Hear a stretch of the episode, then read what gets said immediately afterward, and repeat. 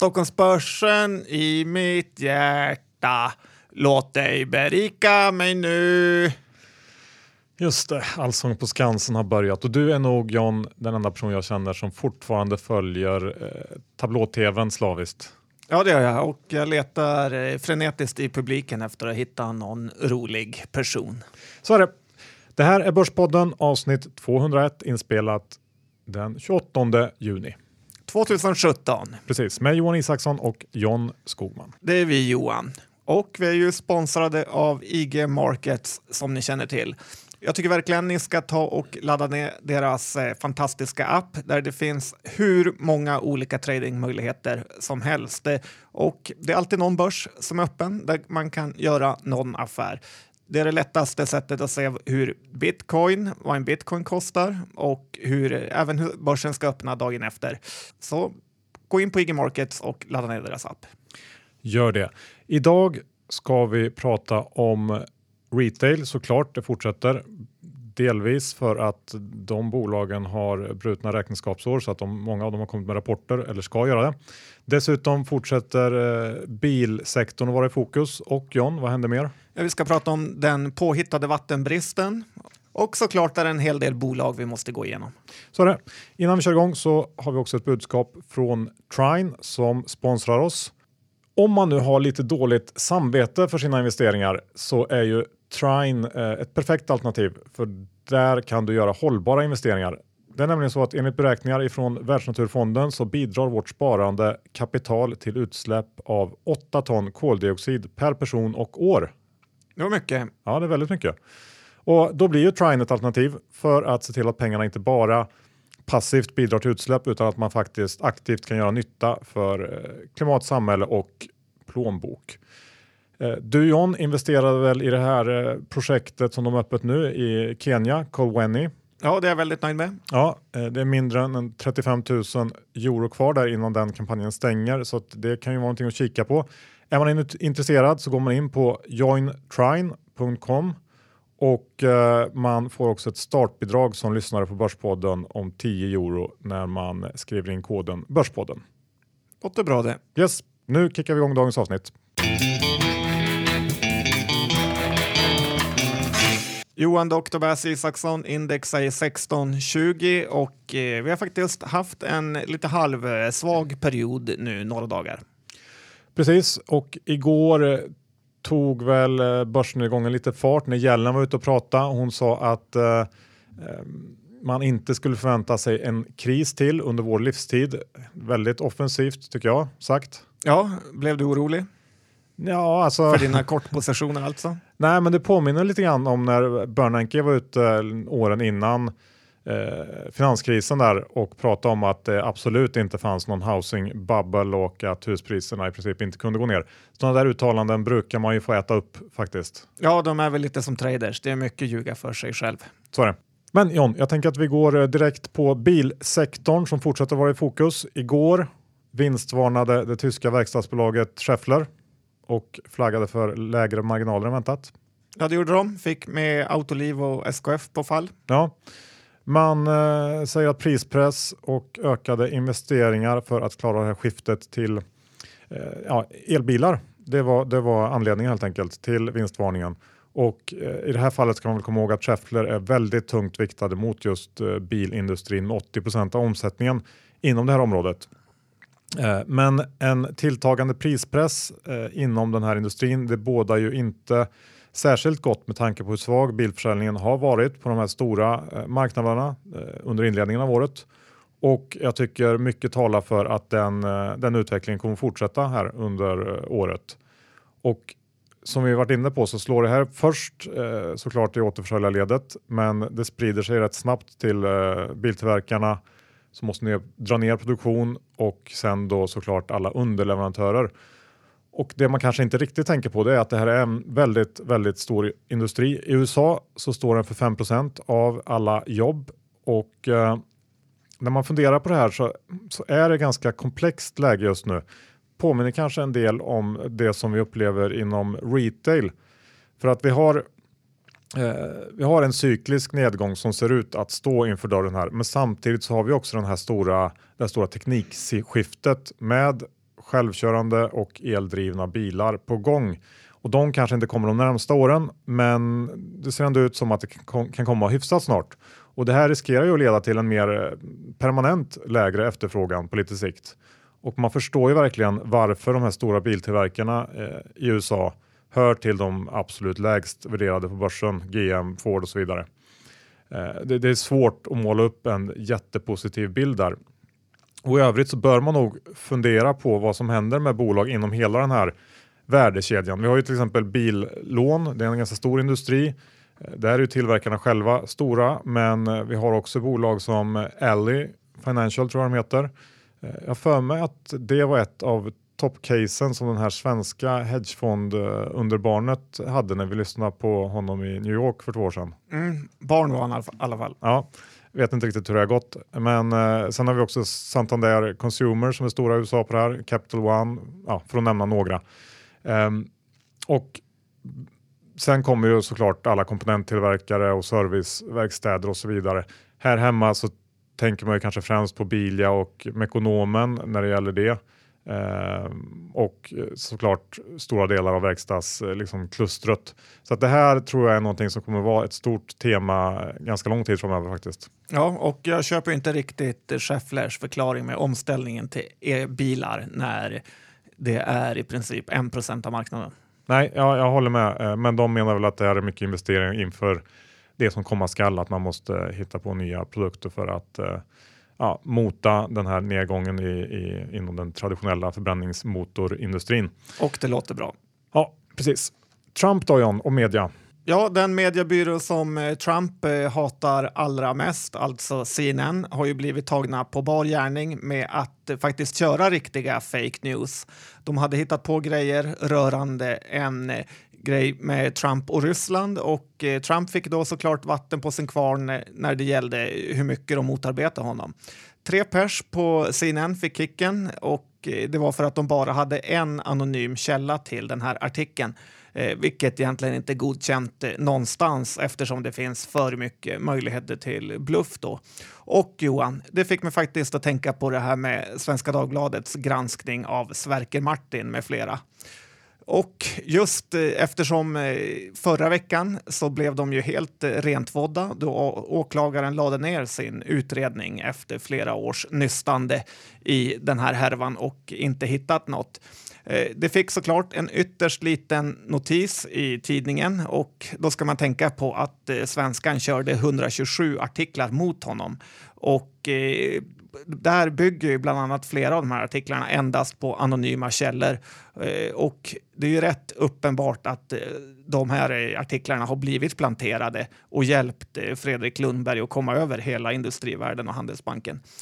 Men vad hände i Sverige? Jo, då fick den här tuffa redaktionen Stora journalistpriset där de posade jublande på bilder efter att ha förstört flera människors yrkesliv. Ingen värdighet alls där överhuvudtaget. Och eh, sen ska man kanske säga att det Stora journalistpriset verkligen är klubben för inbördes beundran deluxe där ett gäng personer varje år röstar fram varandra så att man kan få högre lön man kan säga att alla som har jobbat mer än sex år som journalist har vunnit det där på något sätt. Men jag känner ändå att det här att SvD fick priset var lite som när DDR vann OS-guld eh, under det glada 80-talet, att de vann på grund av fusk. Och eh, det trista med det här är att ingen hade fått veta hur illa det hade varit om inte Jens B Nordström skrivit den här boken Tronstriden. Som, eh, och som tack för det har han blivit utfryst av resten av journalistkåren. Ja, jag har väl inte så mycket att addera där utan eh, trist känns det som att det är. Ja, i alla fall för de goda. Ja. Eh, något som eh, fortfarande flyger i alla fall på något sätt får man säga det är noteringar på börsen. Det har väl blivit lite mer fart på det igen efter en eh, lite tuffare period. Och ett tecken på det är ju att Pekkas naturodlingar faktiskt har kommit in på börsen och inte är ner från sin teckningskurs. Börsvärde på 60 miljoner nu. Eh, vet du vad Pekkas naturodlingar gör? Nej, inte riktigt faktiskt. Nej, eh, det handlar om att man ska göra någon slags kretsloppsodling av tomater och lax.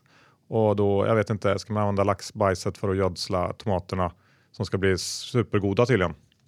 Ja, och, det är en bra krydda, laxbajs. man ska kunna sälja det här till skyhögt pris. Eh, jag tycker att det nästan låter som ett dåligt skämt att man noterar ett sånt här bolag. Men eh, tydligen så funkar det så att, eh, ja, vad ska man säga? Det finns många skämt på börsen. Ja. Vattenbristen, är det också ett skämt John? Ja, det är det faktiskt. Och eh, det pratas ju nästan varje dag i nyheterna om den här så kallade vattenbristen och hur grundvattennivåerna sjunker. Och eh, varje gång jag läser det här så slår det mig hur inkompetenta och dåligt styrda de här kommunala vattenbolagen är. För Johan, vet du vad en liter rent vatten kostar? Det kan ju inte vara många ören, men jag vet inte. Det är två öre och alltså allvarligt talat, du får en kubikmeter vatten, alltså tusen liter, för en 20-lapp. Tror du någon kommer sluta vattna sin gräsmatta eller tvinga sina barn att duscha mindre för att det kostar fyra kronor? Eh, alltså, det är som att de här kommunala vattenbolagen helt saknar kunskap om ekonomi. Om man bara tiodubblade priset på vattnet så skulle allt vara löst inom en vecka och vattnet skulle fortfarande vara väldigt eh, billigt. Om bensinen kostade två öre litern så hade den också alltid varit slut, Johan. Det kan jag lova. Så att, eh, jag tycker alla ni där ute kan med gott eh, samvete slösa precis så mycket vatten som helst med att vattna era gräsmattor eller vad ni nu vill göra. För det finns faktiskt ingen vattenbrist. Det är bara alldeles för billigt. Skönt att höra. Du, någonting som också varit eh, mycket snack om slutet är ju eh, Amazon som köpte Whole Foods här för någon vecka sedan. Och eh, det är en stor nyhet på många sätt. Eh, intressant att den här e-handelns mästare som man får säga att Amazon är ser ett behov av omnichannel. Men kanske framför allt då att man eh, på allvar börjar fundera på framtiden för alla livsmedelshandlare runt om. Eh, många amerikanska bolag dök ju direkt på den här nyheten. Walmart, Costco, Target, eh, Kruger som du eh, har köpt. Ja, den eh, slaktades men det var ju främst av andra anledningar. Um, och uh, det är klart att man börjar fundera lite grann på hur, hur de svenska uh, aktörerna eller hur den svenska marknaden kommer att se ut inom ett par år. Den är ganska dominerad av ICA, Xfood och uh, Coop och eh, det känns som att det här kan vara startskottet lite grann för att det ska börja hända saker på riktigt. Eh, det enda noterade svenska aktören som vi haft är ju eh, Mat.se men de blev uppköpta här för inte så länge sedan. Men för den som ändå är intresserad av att ge sig in i den här, eh, i den här branschen på näthandelssidan så finns ju ett väldigt intressant bolag noterat i London som heter eh, Ocado Eh, väldigt dyrt såklart, men de har en eh, väldigt imponerande verksamhet. Jag har kikat på en del filmer på Youtube från deras lager och det är fantastiskt. Så det finns, eh, finns ju alternativ om man eh, vill haka på det här tåget. Ja, en annan take på det här tycker jag ju är att det visar sig för Amazon att de inte kan ha ett megalager mitt i USA och sen transportera ut maten, utan man faktiskt behöver mindre hubbar lite överallt och det var nog en av anledningarna till att, att de köpte Whole Foods. Så dag, dagligvaruhandeln behöver inte vara död, snarast eh, levande på något sätt känner jag. Ja, vi får se. Patent-VM eh, är också John. Det är klart det. Det är alltid VM någonstans och nu är det det på svenska börsen. Nästan varje dag skickas det ut eh, minst fem olika pressmeddelanden om eh, oftast eh, skitbolag som har fått ett patent. Och det här är i princip helt oväsentligt för bolagen. Men de gör så för att få fart på handeln och försöka jobba upp sin kurs. Jag tycker mest det här vilseleder spararna när det hela tiden kommer ut pressmeddelanden eh, och de skrivs som att de här patenten är extremt viktiga. Eh, man ser ju aldrig något större bolag skicka ut eh, sånt här och eh, vill First North och aktietorget städa upp lite så tycker jag att de kan börja med det här. Och en viktig grundregel är ju att ju fler oviktiga pressmeddelanden ett bolag skickar ut, desto lägre är kvaliteten på bolaget. Så är det. Snart slut på del 1 John, men vi ska inte glömma vår sommarsemesterbjudning. Vet du vad det är? Ja, det vet jag för att jag faktiskt driver den här podden. Johan. Ja, det är ju det samarbete vi har tillsammans med Nextory. Nextory som ju har marknadens bästa utbud av e-böcker och tusentals ljudböcker. Man får 30 dagar helt gratis genom att gå in på nextory.se kampanj. Nextory, det är N-E-X-T-O-R-Y och man fyller då i koden Börspodden. ska vi ge några tips om vad man kanske kan försöka sig på där? Jag har i alla fall ett par eh, om man vill ha läs eller lyssningstips. Eh, vi pratade ju om eh, Jens B Nordström och hans bok Tronstriden. Den finns där både som ljudbok och som e-bok och det passar ju perfekt att ta den samt våra avsnitt med Jens och eh, Sverker Martin Löv. Ja, faktiskt. Eh, de första hundra sidorna jag läste i den där så blev jag nästan för, mer förbannad än jag någonsin varit någonsin. Men det är en riktigt, riktigt bra bok. Ja, och eh, sen har jag också ett litet eh, personligt tips. Det är ju eh, Knausgårds Min kampserie som eh, finns i sin helhet på Nextory. Eh, och den första delen såg jag fanns eh, också som eh, ljudbok om man vill börja på det sättet. Fantastisk läsning det också. Åh, oh, vad du försöker verka kulturell nu. Men jag vet att du också älskar den. Ingen kommentar.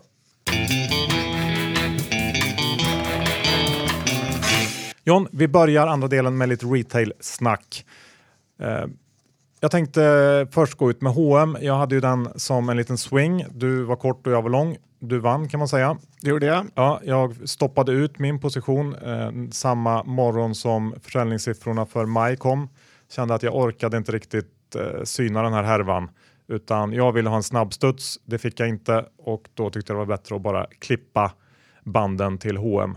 Ja, den åkte mer rakt genom golvet. Ja, hur som helst, det är rapport imorgon och eh, vi känner ju då till försäljningssiffrorna som har varit en besvikelse och eh, imorgon så antar jag att fokus kommer ligga på marginalen, lagret och eh, även eh, junisiffrorna som jag gissar att de eh, säger någonting om. Eh, och även om jag tror att möjligheterna mm, för H&M att slå konsensus när det gäller resultat är ganska bra så är jag ändå osäker på om det spelar någon större roll eh, just för att jag gissar att den här oron för försäljning och lager kommer vara intakt ändå. Och det är möjligt att man kan få en liten studs på ett bättre resultat. Men um, för att få en mer ihållande vändning så är det ju det här trendskiftet i försäljningen som man vill se och det känns ju lite tveksamt. Även om de sa i samband med försäljningssiffrorna för maj att, att andra slutet av, av uh, perioden hade varit betydligt starkare än helheten. Sista dagen. Kan vara så. Men jag vill bara lägga till att det här budsnacket som är på H&M är ju något som tidningarna själv fabricerat något fullständigt. Jag kan lova, jag svär till Gud Johan, och då är jag ändå Tea Party-medlem, att det absolut inte kommer komma något bud på H&M. Antagligen inte så sannolikt, men det, just när det gäller bud så är det svårt att lova och svära på saker för att det brukar ändå kunna ske där man minst anar det. Ja, men de kommer absolut inte köpa Nej, ut Men vi lämnar det för att det, vi har ingen aning någon av oss. Jo, jag vet att de inte kommer köpa ut det. Du vet inte. Jo. Vi tar, eh, ska vi ta Kappahl eller R&B John? Vi kan ta lite R&B. Det är ju så att de kom med sin rapport. De låg lite före, kanske snabbare med sin redovisning. Eh, och det här var en rapport som eh, inte var varken eller. Aktien gick först ner 10 procent och eh, sen valde jag Stockpicker och plocka in den här i någon typ av portfölj och då gick den upp 10 procent istället. Aktien är nu lite högre än den var innan rapporten och eh, det som var bra i rapporten var ju att NK Göteborg levererar. Brothers visar att deras förbättring inte var tillfällig utan de verkar ha fått ordning på det där. Det som var sämre var att Pop, Polarn och Pyret, inte riktigt ville lyfta med omsättningen och att NK Stockholm tappar mark. Eh, det kan man väl kanske mest eh, tillskriva terrordådet i mångt och mycket skulle jag säga. Sen har de lite obegripliga poster i marknadsvärdering av valutasäkring, vilket ingen, ingen riktigt verkar veta vad det är, men förutom att det är rätt irriterande kan jag tycka. Sen står det ju att KF, huvudägaren, vill ha tillbaka sina 400 millar, tror jag är, som de har lånat ut till R&B och det tycker jag inte låter så bra. Det skulle kunna bli en nyemission, men det borde inte vara så, för då blir ju KF eh, som största ägare tvungen att köpa alla de här aktierna och eh, det tror jag inte de vill heller, för det blir bara något byte av pengar. Men det skapar lite oro och Eh, ja, jag är inte säker på att det är ett eh, bra köp här. Det är en lång sommar och eh, mycket kan hända. Ja, lite avvaktande där då helt enkelt. Sen har vi Kappahl som också rapporterar imorgon morgon faktiskt. Och eh, där ser det väl ut som att de ska kunna fortsätta att förbättra resultatet. Delvis drivet av lägre förluster i Polen där de har haft en liten härva, men det går åt rätt håll. Och eh, sen ska man väl komma ihåg att det är ju inte bara H&M som har haft eh, lite tufft när det gäller försäljning utan det har varit en svag vår generellt för retail och eh, i Kappas fall så har ju aktien också gått svagt i år. Eh, och värderingen är ganska låg, runt 10-11 kanske P talet på nästa år. Men eh, jag vet inte, jag, jag, är inte supersugen på det här oavsett för att det, det, är någonstans här man, eh, ja, det är den här typen av värdering man får på de här aktierna nu känns det som. Ja, supersugen annars, en ganska bra film. Men jag eh, tycker nog att Kappahl kan vara ett av de bättre valen i den här sektorn. Skuldfritt och eh, ganska billigt. Ja, så är det ju. Frågan är bara hur, hur dyrt det kan bli. Bara de inte nämner något om Hampton Republic 27 eller vad det kallas. Aj, aj. Ja. Vi går vidare till, eh, jag hade ju två sådana här svingar inom handel. Det var ju H&M och det finska lågpriskedjan Tokmanni. Tokmanni. Ja, och det blev tokigt kan man säga för de vinstvarnade för en dryg vecka sedan, två kanske. Och det var ett ganska hårt slag för mig personligen. Um, inte för att det var jättestor position, men det var ett finskt bolag och jag har lite högre eh, krav på finska bolag när det gäller etik och moral och det tycker jag inte att Tokmanni riktigt har levererat på. De gick ut i alla fall och sa att eh, försäljningstillväxten, det jämförbara för 2017, eh, nu ska utvecklas i sidledes jämfört med förra året. Eh, och den, att den justerade rörelsemarginalen skulle bli, ska bli lägre och tidigare så hade man sagt att tillväxten skulle vara positiv och att lönsamheten skulle öka. Så det var en ganska kraftig vändning där och eh, man skyller på en kall vår. Jag köper inte riktigt det för i andra vågskålen så ligger faktiskt en, en finsk ekonomi på det hela taget som är på väg upp och dessutom en kalendereffekt som borde bidragit positivt till Q2. Eh, dessutom så var ledning och styrelse ute och eh, körde någon slags promotion-turné för bolaget och aktien för bara en månad sedan tror jag. Och då var de ute och försäkrade eh, analytiker och eh, aktieägare att allt såg bra ut. Och eh, som jag ser på det här så har bolaget varit ohederliga faktiskt och den typen av beteende går bort direkt för mig. Jag sålde mitt innehav direkt när det här kom ut. Eh, det här året är ju förlorat för Tokmanni. Eh, om man tror att det här bara var en engångsgrej så ser det ju väldigt billigt ut nu. Eh, men på något sätt så är jag ändå lite rädd för att det finns något mer bakom det här. osäker på vad, det kanske är någon stor lagernedskrivning som kommer att komma, att de har något skit i lagret eller att bokföringen på något annat sätt är skum. Det känns inte bra och förtroendet är helt förbrukat från min sida. Ja, dishonest bolag eh, ska man inte lita på överhuvudtaget. Och det Tokmanni är väl ett ganska nytt bolag på börsen, vilket också gör det betydligt ökande större risk för att det är något eh, dåligt. Det har vi sett många, många gånger. Absolut, så är det och de, det är ju i grunden ett. Eh, jag tror att det var ett riskkapitalbolag som köpte ihop ett antal handlare eh, inför eh, de gick på börsen, så att det är klart att eh, möjligheten till skit när, när man har den typen av bakgrund, den finns ju verkligen. Det har vi sett förut. Men när vi ändå är inne på Tokmanni tänkte jag också ta eh, Europris som ju är den norska sektorkollegan. Eh, den, den aktien har också tappat en hel del på slutet och eh, det är väl möjligt att man ska hoppa på här. Q2 kommer om ett par veckor och de har i alla fall inte vinstvarnat än. Eh, där ligger förväntningarna på ungefär 10% i tillväxt och eh, ebita på runt 190 miljoner norska och den här aktien handlas väl till P 12 13 kanske nästa år. Eh, det låter ju billigt och eh, känns billigt, men jag avvaktar lite bränd efter mina härjningar i sektorn. Ja, man ska inte kasta dåliga pengar efter bra som de brukar säga. Nej, Eller är det tvärtom? Ja, jag vet inte. Hur som helst, Sagax Pref, Sagax Pref har varit eh, ett av dina safea case här under våren.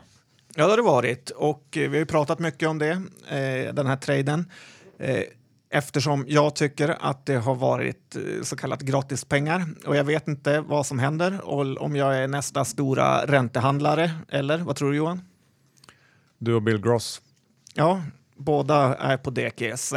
Men om nu har den här omvandlingen gjorts av Sagax-preffen till D-aktier och Sagax D handlas eh, just nu under, just under 30 kronors eh, nivån och det känns ju helt okej, okay, eller fair som vi brukar säga här. Eh, även om jag... Inte fair, inte fair då? Det är svårt att veta. Men jag tror den här kommer att eh, stiga kanske under tiden vad det lider, dock med reservation för vad Ingves eh, hittar på. Eh, däremot har ju något lustigt hänt i Sagax-preffen och det är att när 71 procent av alla preffar har försvunnit och blivit D-aktier så verkar det som att de som missat att lösa in preffen har börjat sälja den eller om att eh, de som tidigare låg och köpte preffen har slutat köpa. För nu har den rasat ner till 33 kronor och eh, det tycker jag är helt fel. Förutom att det bara finns eh, kvar 29 procent av preffen så visst, likviditeten kommer ju bli sämre, men värdet på preffarna som är kvar borde gå upp då nu den här eh, Sagax-preffen borde vara den absolut säkraste av alla preffar på hela börsen enligt mig. Eh, jag tror marknaden har fel här och när folk inser hur lågt den här Sagax-preffen handlas gentemot andra, till exempel Balder, så skulle jag tippa på att den kommer gå upp emot inlösenpriset på 35 kronor då jag inte kan se att du kan köpa något eh, säkrare än just det här. Jag har sålt eh, nästan alla mina D-aktier och eh, långat på den vanliga preffen, Johan. Alltid på tårna. Skoj, skoj. Hur är det med SAS då?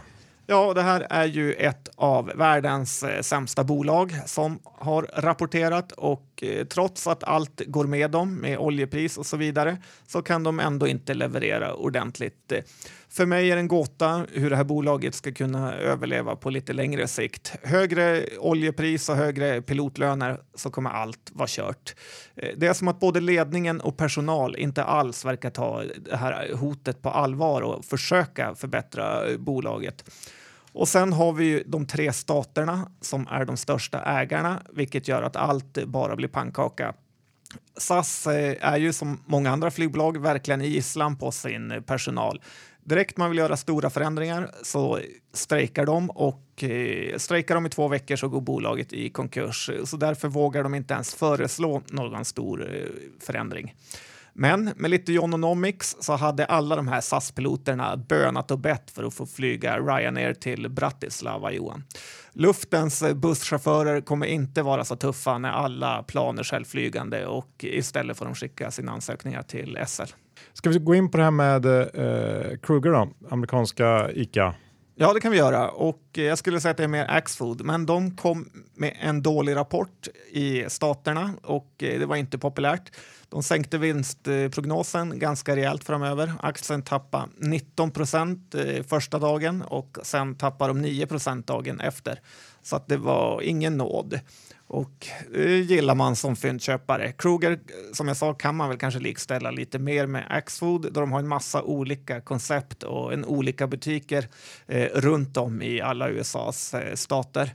De har förvärvat många andra kedjor och eh, är väl väldigt svaga inom e-mat och eh, Sen har de inte heller jättelite belåning med tanke på deras förvärvshistorik. Och eh, det är väl det som har fått eh, börsen att bryta ihop på den här aktien. Nu är det, det här är ett bolag som brukar värderas väldigt högt, men nu är det ett P-tal på kanske 13 och då tycker jag det verkar eh, vara intressant för ett litet späckköp. Eh, kanske får man vänta ett tag, men det kan vara kul att ha lite som en längre swing. KR är tickern.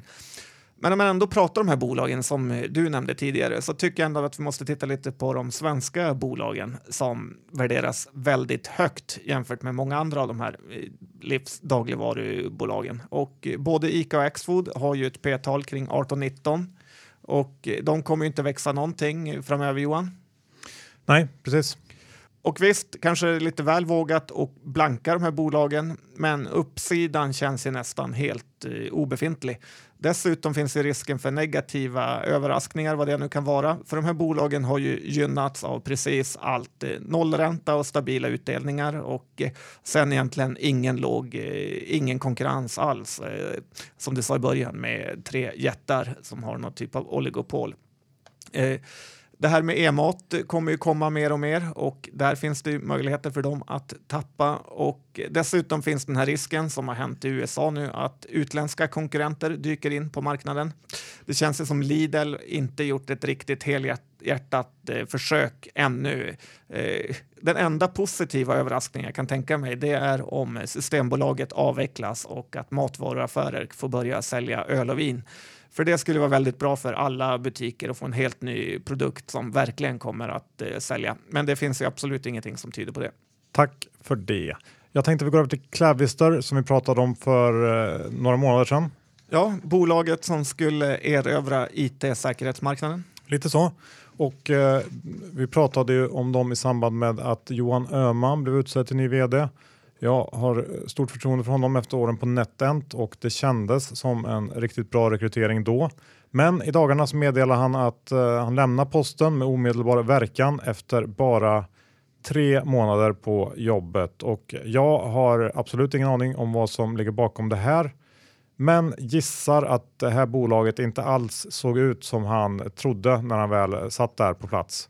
Och eh, som jag ser det så är det en riktigt dålig signal eh, för Clavister som ju också har misslyckats rejält på ordersidan i år, eh, vilket är oroande eftersom det var i år som det verkligen skulle lyfta på riktigt för det här bolaget. Så att, ja, det där känns inte alls kul just nu. Nej, man börjar få en känsla av att det här är ett riktigt skräpbolag och att han fick skicka ut ett snällt pressmeddelande om varför han ville, ville lämna. Vattenbolagen då John, du pratade om vatten eh, i del 1 och nu har du några vattenbolag också som du vill prata om. Ja, det är eh, alltid intressant, för i USA är ju allt sånt här privat. Eh, vattenbolagen i USA har ju också gynnats mycket av det här med fracking då det krävs enorma mängder vatten för att trycka ner i frackinghålen för att öka trycket och på så sätt få upp naturgasen eller oljan. Och eh, jag tycker att Sverige sitter ju på lite guldägg om man skulle börja privatisera den här eh, sektorn. Eh, men i USA finns det tre bolag, eller det finns många, men jag har valt ut tre och eh, de tre största kan vi säga. WTR, Aqua America och jag gissar att artikeln ska inspirera till Water, WTR. Eh, och de har ett P-tal på 25, utdelning på 2,3 procent och de är vattenoperatörer i Pennsylvania-området i östra USA. Sen på den West Coast har vi California Water Service Group, CWT, och eh, de har ett lite högre P-tal på över 30. Jag vet inte för att det är ofta torka där. Vad tror du? Ja, kanske. Det är ju fruktansvärt varmt i Arizona bland annat nu. Eh, men de har en utdelning på 2 procent, sa jag uh, Nej, men tack. Eh, och eh, sen slutligen så har vi eh, det kanske största bolaget som heter American Water Works och de har AWK som ticker. Alla vill såklart ha W i sin ticker. Eh, börsvärde 15 miljarder dollar och ett P-tal på 30, utdelning 2 procent. Så att det här är inga små bolag utan kan vara intressant att ha sig till, till sin utdelningsportfölj. Ja, men det är spännande tema och jag vet att eh, Michael Burry, känd från eh, The Big Short bland annat, har ju just vatten och kanske vattenbrist som ett av sina stora teman. Nu gissar jag att han har lite investeringar i lite mindre bolag än så här och kanske på ett annat sätt, men det där är ju ändå spännande. Ja, det är intressant när man tittar på haven och får känslan att vi har vattenbrist. Det känns inte riktigt så. Nej, inte riktigt kanske. Men. Och i Sverige har vi kvalitetsbolaget Josab. Jo, det är kanske där han är tung. Kanske. Och John, jag tänkte avsluta min del med Autoliv och lite inför rapporten-snack. Ja, men det är generöst av dig. Det brukar vara en kassako för dig som är Sveriges bästa rapporttrader.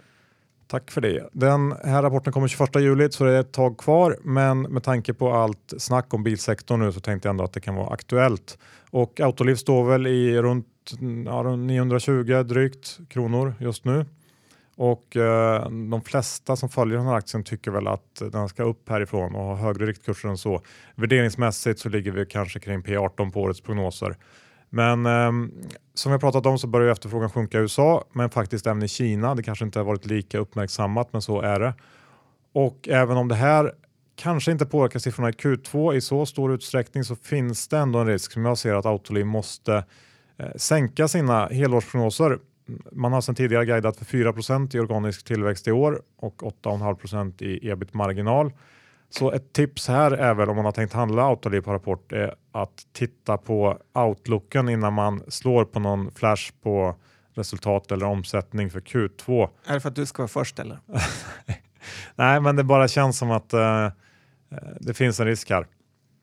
Uh, för Q2 har man guidat för 2 i organisk tillväxt och 8,5 ebit. Eh, men samtidigt så som man har den här eh, utvecklingen på marknaden så har vi ju hela den här Takata-härvan. Eh, de gick ju äntligen i eh, konken här i veckan, vilket var väldigt väntat, kanske har tagit lite längre tid än man har trott. Men under hela den här processen när Takata haft problem, då har ju Aliv tagit många kontrakt och det här väntas ju eh, börja synas på riktigt i slutet av det här året. Och, och, det kanske på något sätt kan motverka en generellt svagare marknad. Men, men på totalen så är jag ändå tveksam eh, till Autoliv. Det är ett jättefint bolag, men eh, och man, man, gillar det ju verkligen på något sätt. Men det är ju fortfarande så att det är en underleverantör till bilindustrin och det här har vi pratat om många, många gånger.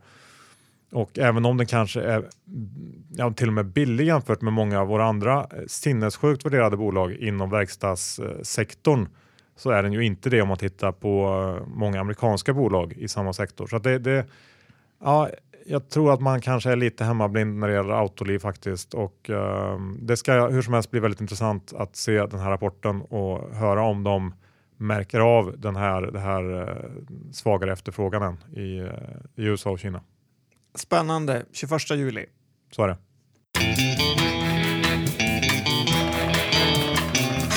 Slut på avsnittet 201. Tack IG Markets, ni är vår huvudsponsor. Och vi är väldigt imponerade av er app. Eh, ladda ner den och eh, ja, du behöver inte ens stoppa in pengar, men du kan kika runt vad de har för features. Jag tycker den är väldigt bra och eh, det är väldigt lätt att göra trades i den. IG.com. Perfekt att ha i hängmattan i sommar när man inte vill sitta framför datorn. Precis, eller vara med sina barn. Ja, det också. Sen är vi sponsrade av Trine. Gå in på jointrine.com och Eh, leta upp ett projekt som du gillar. John har investerat i ett projekt i Kenya, Colvenue, som har eh, fortfarande öppet men inte så lång tid kvar antagligen innan den kampanjen stänger. Och, eh, är man intresserad då har man också möjlighet att få ett startbidrag på 10 euro eh, genom att använda koden Börspodden. Jointrine.com helt enkelt. Bra sagt. Ja. Och slutligen, ta och lägg i hängmattan knappa upp Next Story. Precis. Och njut av 30 dagar gratis lyssning. Vill du inte betala för det så är det bara att säga upp allting dag 29 så kostar det inte dig ett smack och du har lyssnat på gratisböcker hela semestern. Det är nextory.se kampanj och då fyller man då i koden Börspodden såklart. Ja, sen var det lite innehavsredovisning. Vad har du i väskan som de tuffa killarna på Twitter säger? Ja, jag har ju stoppat ur mig ur de här H&M och Tokmanni då med förlust i bägge två. Så att eh, av bolagen vi pratat om idag äger jag inget. Jag äger både Sagax och Sagax D. Sen har jag min lilla trade i Kruger på IG. Det var Bra. det. Det var det hela. Härligt. Vi hörs om en vecka igen. Ska jag sjunga Stockholm som avslutning? Nej, det gör du inte. Tack. Hej då!